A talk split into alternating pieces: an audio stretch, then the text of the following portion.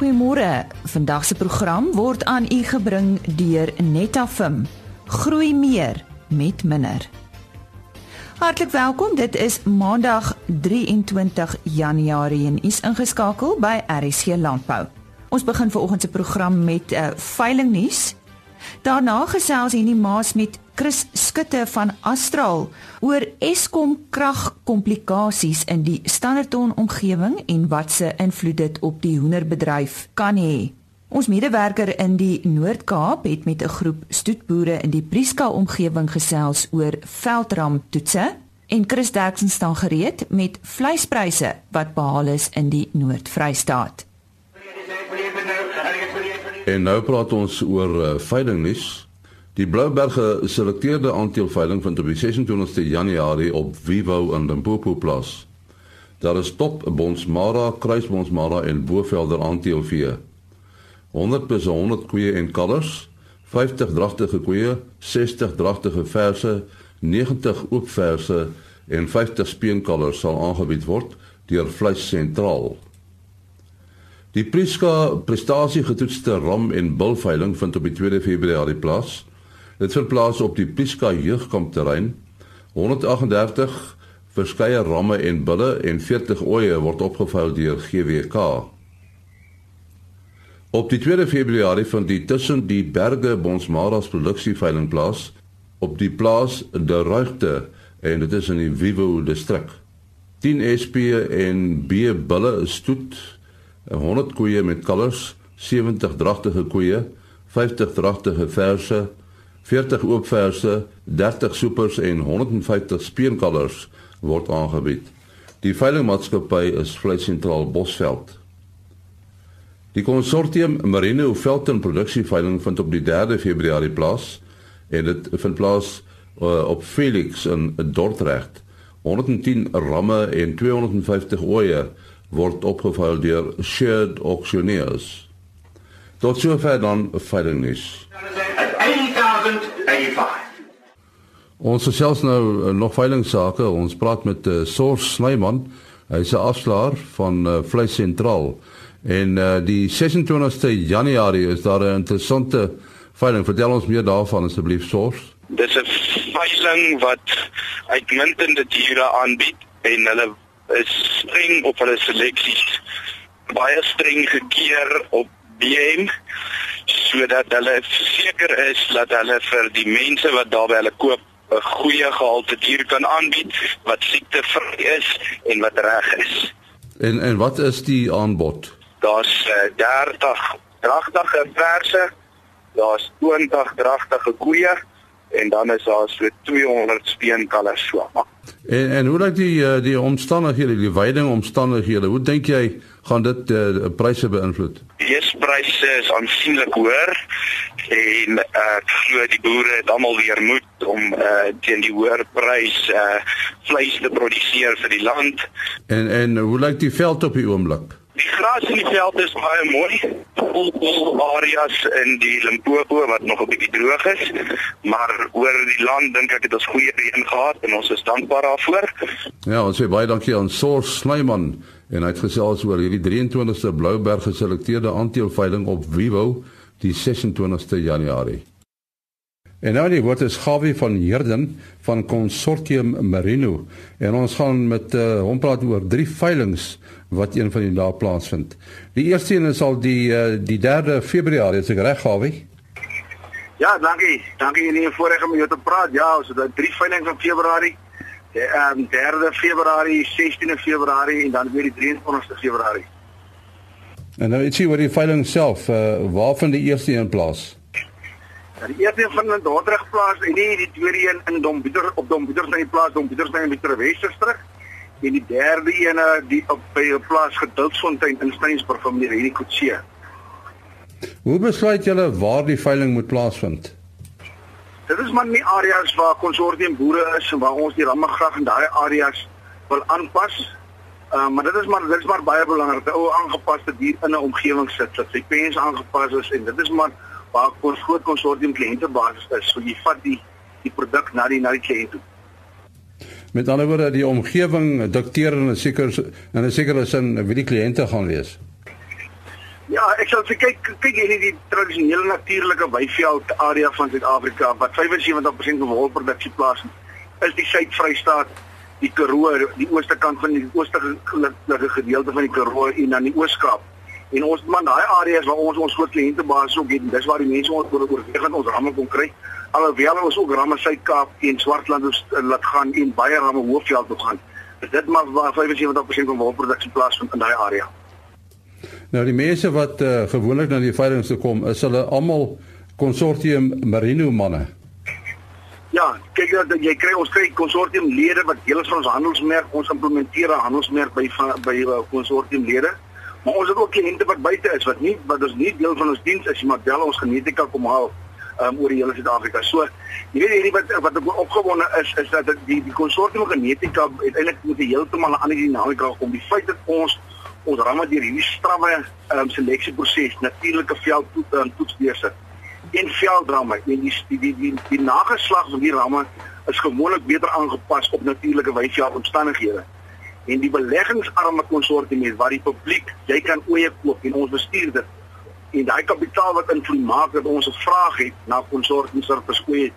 So dit is eintlik heeltemal 'n baie opwindende ons ons ramme doen eintlik vir ons supply chain development. So is heeltemal 'n ander spin op die bal in die verlede het, het 'n boer maar ramme gevoer en dat iemand hulle kom koop en nou hoop jy jy sien volgende jaar uh, weer.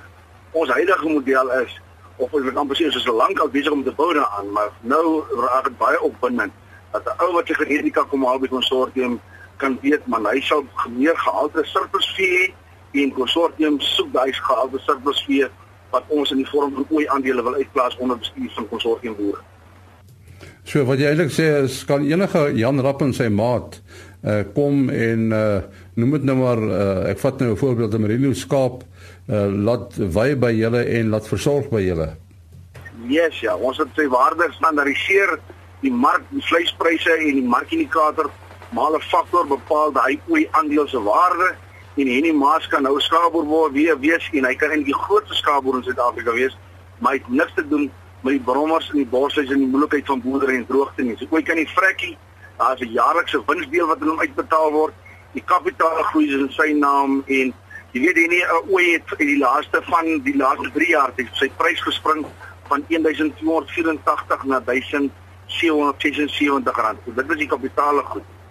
Ehm um, en as jy daai winsdeel terugsit dan ooit dan raak dit eintlik baie opwindend om in proteïen hier en daar wat te belê maar die genetika, die veilinge wat ons hou, die ramme wat ons verkoop, daai genetika maak dat ons kliënt as konservers vee kan koop en jy as publiek kan nou daai oeye besit en daar's 'n bestuursmaatskappy ons sorg nie op reise so daai oeye vir bestuur. En uh hoeveel mense wat nou sogenaamde nie boere is nie, neem deel aan die skema?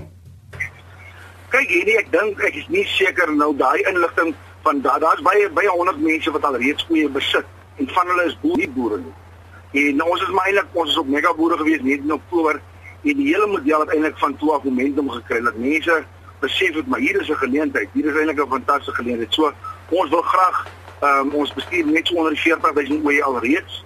Ons wil hom groei dat ons 500000 oeye onder bestuur en daai uh, wil ekonomie van skaal en die feit dat ons ons mense bemagtig in die proses want ons plaaswerkers het ook mee onder bestuur gaan maak daar ongelooflik opwindendheid met integrering in die waardeketting en wil ek amper sê ons wil deel wees van die oplossing van landbou wat werk in Suid-Afrika en dan moet ons die die mense wat voorheen uitgesluit het moet ons deel, deel maak maar suksesvolle en goeie bestuur is nie onhandelbaar nie. Nou goed Gawie, eh, uh, telefoonnommer as mense meer inligting wil hê oor die veilinge en uh, Consortium Marino. Ja, baie dankie nie die mense kan my bel ek gee die nommer 082 321 3233 Ons sê baie dankie aan Gawie van Herden van Consortium Merino. Eskom het op 10 Januarie 'n brief uitgereik aan die Lekwa plaaslike munisipaliteit wat vir ons meer bekend staan as Standerton in Mpumalanga wat hulle in kennis stel dat die munisipale krag op vandag 23 Januarie onderbreek sal word. En die maas het met die hoofuitvoerende beampte van Astral Foods Chris Skutte hieroor uitgevra. Chris, voor ons begin, uh, waar pas Astral Foods presies in in die landbouwaardeketting? Goeiedag Henny. Ja, ons is eh, 'n uh, verlengstuk van van mielieproduksie in Suid-Afrika. Ons het 'n volle geïntegreerde uh, hoenderproduksie besigheid wat beteken ons is in in die totale uh, uh waardeketting van veevoer vervaardiging deur die kruisstelling van hoender uh broeierye uh verwerking en dan uiteindelik die produkte in die winkels kry. So ons is uh dek die hele ketting en ons produseer of verwerk ongeveer 5 miljoen kuikens per week en in orde om dit te kan doen het ons enige oomblik van die dag uh 536 miljoen hoenders na wat ons moet omsien. So dit is 'n redelike kapitaal-intensiewe bedryf. Ja, absoluut. Ehm um, voermeelens deesdae as jy 'n voermeele wil bou, is dit in die omgewing van 300 miljoen rand. As jy 'n abattoir wil bou, is dit 2.5 miljard rand. So hier is nie goedkoop aanlegte nie. In Standerton omgewing is waar ons ons grootste verwerkingsaanlegte het. Ons het 'n in die omgewing van 50 plase daar. Ons het 'n splinternuwe voermeele wat 2 jaar terug uh, in aanvang geneem is en ons het ook ons Goldie aanleg daar wat 2 miljoen kuikens per week verwerk. Nou die die probleme met die plaaslike owerheid uh, en uh, Eskom wat die krag gaan afsny. Verduidelik vir ons 'n bietjie wat daaraan gaan. Ja, nee, dit is nou een van daai dinge en ek wil dit sommer duidelik stel. Hierdie is nou die, die verval van 'n munisipaliteit in in dit is nou 'n staatsinstelling, munisipaliteit en Eskom aan die ander kant is ook 'n indirekte staatsinstelling. So daar's nou 'n bekleierery tussen die twee dat die een nie die ander betaal het nie. So die Lekwa munisipaliteit wat nie groter Standerton areas het nie hulle rekening na Eskom toe vereffen nie. Ons wat die verbruiker is, op die grootste verbruiker aan elektrisiteit en ook die grootste werkskepper in daai omgewing word nou gepenaliseer deur Eskom. Ons is nie eens uh, 'n uh, kliënt van Eskom nie, ons is 'n kliënt van die Lekwa munisipaliteit. So daai munisipaliteit is tegnies bankrot. Hulle kan nie hulle rekeninge betaal nie en hulle is ver agterstallig. Maar ons bly hulle betaal. Ons totaal op betaal op op ons elektrisiteitsrekening op enige ander belastings. Uh en uh, nou sit ons in hierdie penarie. En en die penarie, uh, wanneer gaan dit nou plaasvind? Wanneer gaan hulle die die krag afsny uh, indien dit gaan gebeur?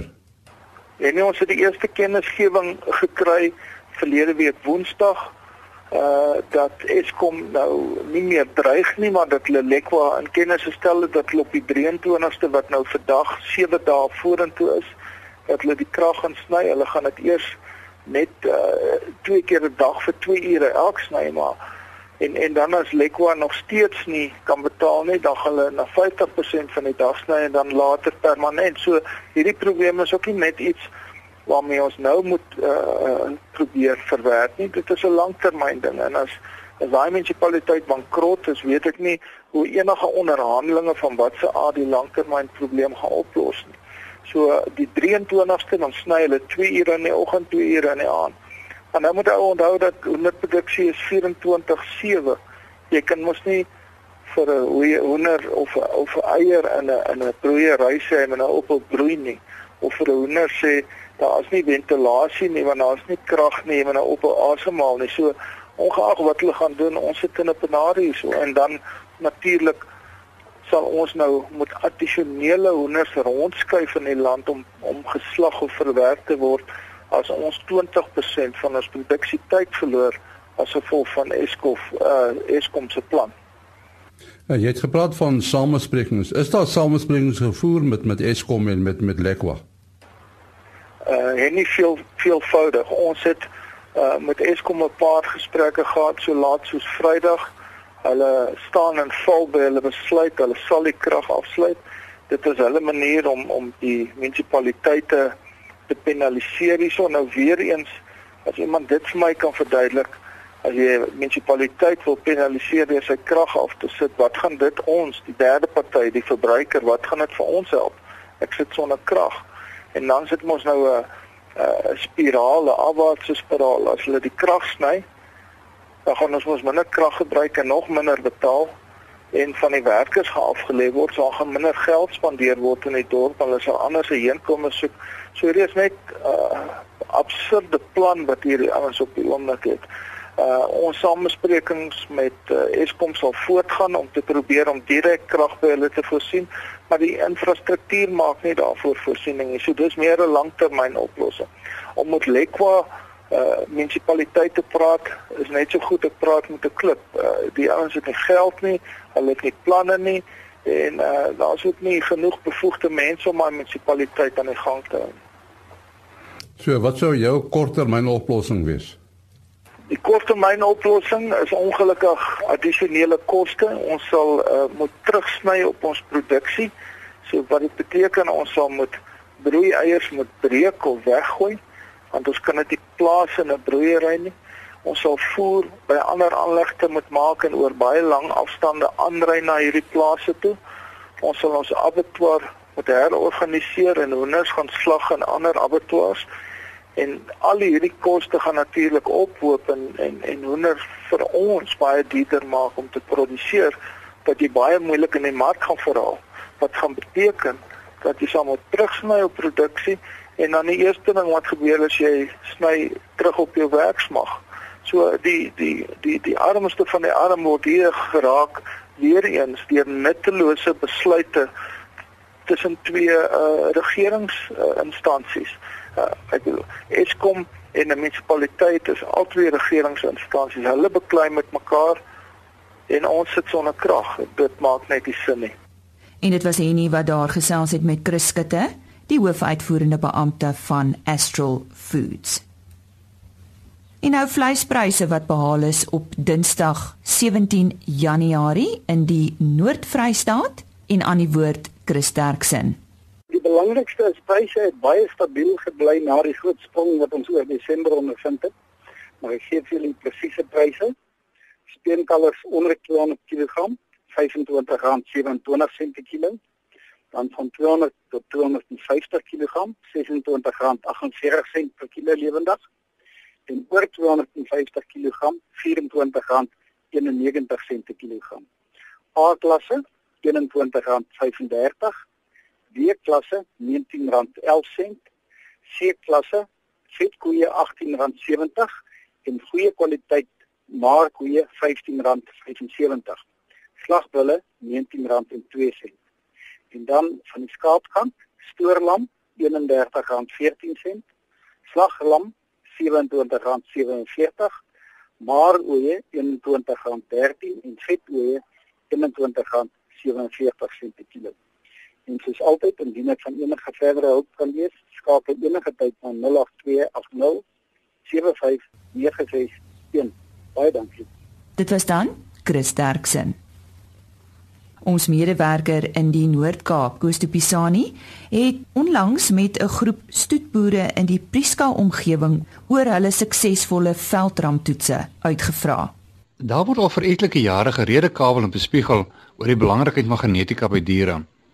Almal besef goeie genetika is die winsdrywer vir die stoetboer. Maar dit word keer op keer bewys dat dit eintlik 'n koper van 'n goeie stoetdier, hê dit 'n ram of 'n bul is, met sy oë koop. Die kans is baie beter dat 'n mooi ram 'n beter prys sal kry as 'n een wat net goeie genetiese syfers het. In die Prieska omgewing is daar 'n groep stoetboere wat baie moeite doen om net die beste ramme uit te soek wat die beste genetiese syfers het. Hagie Iman is een van hierdie teelers. En ons het met hom gaan gesels.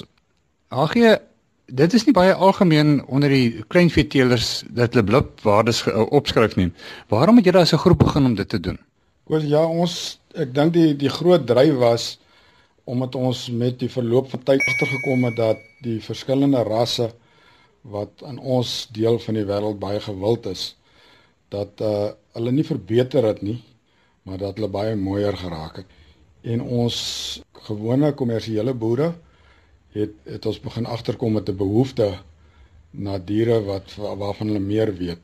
Hulle kan waarborg dat die dier wat hy koop selfs die produksie gaan verbeter en nie net byvoorbeeld sy diere gaan mooier raak. En om daai rede het, het ons toe as 'n groepie boere bymekaar gekom en gesê omdat ons dieselfde doelwit het om diere te produseer wat beter is en nie net mooier nie en ons dink dat ons daarmee ook die bedryf kan help en veral die kommersiële boere om dan nou ook diere te kan begin gebruik of ramme te gebruik wat hulle produksie kan verhoog en dan praat ek nie net van produksie nie. Ek dink dit is belangrik om te weet dat geld wat jy vandag in jou sak steek, gaan nie net oor die hoeveelheid vleis nie, maar uh of oor die hoeveelheid groei wat 'n die dier het nie, uh maar ook oor die hoeveelheid vleis wat 'n die dier produseer.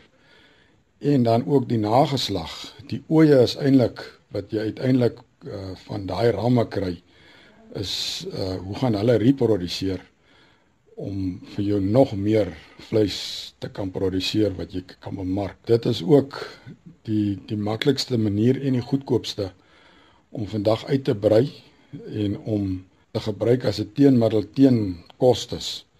Uh, jou insetkostes weet ons styg elke jaar bo inflasiekoers en die enigste manier om dit beter te kan doen is dan om nie horisontaal nie maar vertikaal uit te brei. En vertikale uitbreiding gaan oor om met die diere wat jy beperk is op jou plaas net meer vleis te produseer. Dit was 'n beter groei te kan hê en hoër vrugbaarheid meer lammers te kan produseer. Nou, hoe gaan julle te werk as 'n groep om om hierdie ramme uit te soek? Uh wat ons doen is ons ons het 'n tydsbeperking waaraan die diere moet aankom. In ons geval uh deel ons hulle op in groepe afhangende van in die maande wanneer hulle aankom. Ons probeer om te konsentreer op Augustus, September, Oktober lammers, maar weer eens afhangende van die natuur, soms bied ons ook Junie, Julie lammers aan en dan maak ons net meer groepe vir die toets. Wat ons doen is uh ons op die plaas doen ons almal van ons doen prestasietoetsing ten volle. Al ons diere is geregistreer by stamboek. So ons weet van elke ooi hoe sy produseer, van elke ram wat ons gebruik, hoe sy produseer. Ons gaan ook verder binne ons groep ruil ons ook uh, ramme uit, teelmateriaal uit jaarliks om ook mekaar om die swakpunte van die ander ou aan te val en om die beterpunte wat ander teeler alreeds het om dit beter te benut sodat al ses teelers van ons wat deelneem in die projek se diere se gehalte kan deurlopend te kan optel. By 'n sentrale punt loop al die diere onder dieselfde toestande vir 'n minimum van 5 maande. Op die oomblik loop hulle so 7 maande daar en dan is daar 'n maand wat ons 'n uh, uh, aanpassing het voor die tyd en na die tyd omtrent 'n maand voordat ons dan die diere in 'n in 'n afrondingsfase sit vir plus minus 8 weke om hulle net af te rond vir die veiling sodat uh, wanneer die kopers die ramme koop dat hulle onmiddellik tussen die oeye kan gebruik dat hulle alreeds fiks is. As jy die diere meet, uh, vir watter eienskappe meet jy nou spesifiek? Ek dink die die belangrikste eienskappe waarvoor ons meet is maar wat wat gaan oor om produksie te verhoog in die eerste plek uh is speen direk. Dit wil sê die, omdat ons met rasse boer wat ons probeer om op tussen 3 maande en 4 maande te bemark, is dit vir ons 'n baie belangrike syfer om om juis die diere wat die beste presteerders, wat die beste speen om om daai diere te kan identifiseer. Die tweede ding is ons kyk na Martinaal. Uh dit is uh eintlik om wat vir ons 'n baie goeie aanduiding gee van die die ram se ma se produksie melkproduksie sowel as aanpasbaarheid. Want aanpasbaarheid is ook vir ons baie belangrik uh onder natuurlike toestande. En dan die die derde eienskap wat waarna ons kyk is uh naspeense groei veral omdat ons ook ekstensief boer en baie keer uh, uh raak ons kommersiële boere een ons teelers uh is verplig om van tyd tot tyd diere af te rond en daarom is dit vir ons ook belangrik dat dat die diere ook naspeen baie goed presteer. Ook jou diere wat jou veral jou vroulike diere wat uh naspeen baie goed presteer is die oeye wat gewoonlik eerste lam. Uh want ons wil ons ons lamintervalle ook so kort as moontlik hê en ons eerste lam geboorte so gou as moontlik en want dit is ook vir die die kommersiële boer belangrik. En dan die die vierde eens uh, teelwaarde waarna ons kyk is jou ekonomiese waarde van die aan die vrugbaarheid kant.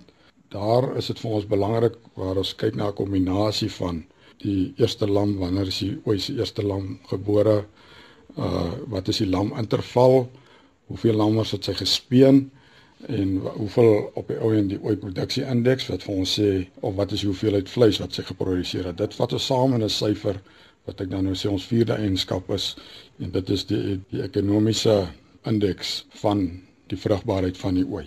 En dan is dit ook vir ons baie belangrik om juis aanpasbaarheid te meet en daarom maak ons dan nog gebruik van 'n fase D toets waar as die diere dan vir 7 maande op natuurlike weiding in 'n groep toets of in groepe toets afhangende van hulle hulle gewig wat hulle ingekom het in die projek. Ons toets spesifiek hulle eindmassa en hulle GDT, hulle gemiddelde daaglikse toename, 'n kombinasie van daai twee gee vir ons 'n seleksie indeks en hoe hoër die dier se seleksie indeks is, hoe beter is sy aanpasbaarheid. Dit gee vir ons 'n aanduiding van sy aanpasbaarheid. Die belangrikheid van van hierdie eienskappe wat ons toets is op die ou end om vir ons 'n teelwaarde te gee wat wat landwyd gemeet is. Ons kompeteer met die hele land se diere en ons streef na om om in die hoogste kategorie te val. Kom ons sê in die hoogste 10% of 40% en om hierdie diere dan vir die mark aan te bied. Die ramme wat ons selekteer vir die veiling spesifiek, haal ons al die diere uit wat wat nie aan hierdie standaarde voldoen nie. Dit wil sê byvoorbeeld alle diere wat on, in die onderste 10% en in die vir vir hierdie eienskappe is en die diere wat aan die onderste 40% verspeen direk is word geëlimineer na die projek afgesluit het sodat ons hulle nie vir die vir die uh, bedryf aanbied nie en hulle word uitgeslag. Dit gee dan vir die boere baie goeie aanduiding van die verwagte prestasie van die nageslag van daai diere. As jy nou praat van die diere wat nou uitgehaal word wat in die, in die onderste 10% is, is dit nou die onderste 10% van van julle as 'n groep of is dit die onderste 10% van van SA Stamboek se se waardes wat jy nou van praat? Die diere wat ons uithaal, die die onderste 10% is vir Martenaal, vir naspeen en vir die vrugbaarheid uh waardes uh hulle val in die onderste 10% in die land. Dit is nie net van die groep diere wat ons toets nie. En vir speen direk elimineer ons al die diere wat in die onderste 40% in die land val. So uh dit is nie net die groepie by die seleksie indekse elimineer ons al die diere met 'n seleksie indeks van onder 85 en dit gee vir jou so min of meer 'n aanleiding ook van die onderste 10% van die land. So jy julle groep se ehm um, ramme wat wat julle nou beskikbaar stel, is dit maar die die gemiddelde ramme wat beskikbaar is of uh, sal jy sê jy julle standaarde is van die hoogste in die land? Ja, dit is uh uh dis nou eintlik 'n maklike een om te antwoord omdat ons meet en ons van die min ouens is wat meet. Byvoorbeeld in die dorpe ras is daar uh van oor die 500 teelers is daar nie eers 10% tans wat volledig meet nie. Uh en ons is die ons is onder andere van daai 10% wat volledig meet. So ons kan met reg sê dat ons wat as dit gaan oor teelwaardes uh wat ons beskikbaar staan in in die publiek is ons die res van die van die land ver voor. Ons bied verseker die die beste diere aan ons kopers kom ook terug en sê dit vir ons. Dit is eintlik uh vir ons baie lekker om te hoor as kopers nou ons toe terugkom en sê hoorie maar my gemiddelde gewig van my lammers op speenhout het die afgeloop van dat ons by Prieska Veldram projek ramme koop het verhoog met tot 2 en 3 kg op 100 dae en dit dit vertel vir ons 'n hele storie en dat ons uh, vrugbaarheid het ook baie want ons kry baie meer lammers aan het ook baie verhoog in en ek kan byvoorbeeld 'n voorbeeld noem van 'n 'n boerdery wat se aanwaspersentasie in 7 jaar verhoog het van 81% na 124%. Ja. Jy praat ook van ehm um, aanpasbaarheid. Kan julle met 'n redelike sekerheid sê dat dat die ramme wat julle nou deur al hierdie toetse gesit het en geselekteer het, sal enige ander plek kan aanpas of is dit nie noodwendig nie? Ja, ons kan nogal dink ek dit sê uh, alhoewel hulle onder natuurlike toestande getoets is. Uh rond ons mos nou ook die diere vir 8 weke af uh intensief. Maar omdat ons GDT toets wat 'n genetiese aanduiding is van die dier se groei vermoë, se gemiddelde dagnisse se toename, kan ons ook met sekerheid sê dat die diere onder enige omstandighede sal kan aanpas. Baie dankie aan Koos de Pisani ons medewerker in die Noord-Kaap vir daardie bydrae. Hy het daar gesels met HG Human. Dis dan RSG landbou vir vandag. Onthou môreoggend om 05:30 weer in te skakel. Vandag se program is aan u gebring deur Netafim. Groei meer met minder. Totsiens. RSG Landbou is 'n produksie van Blast Publishing. Produksieregisseur Henny Maas. Aanbieding Lisa Roberts. Inhoudskoördineerder Martie Kerstyn.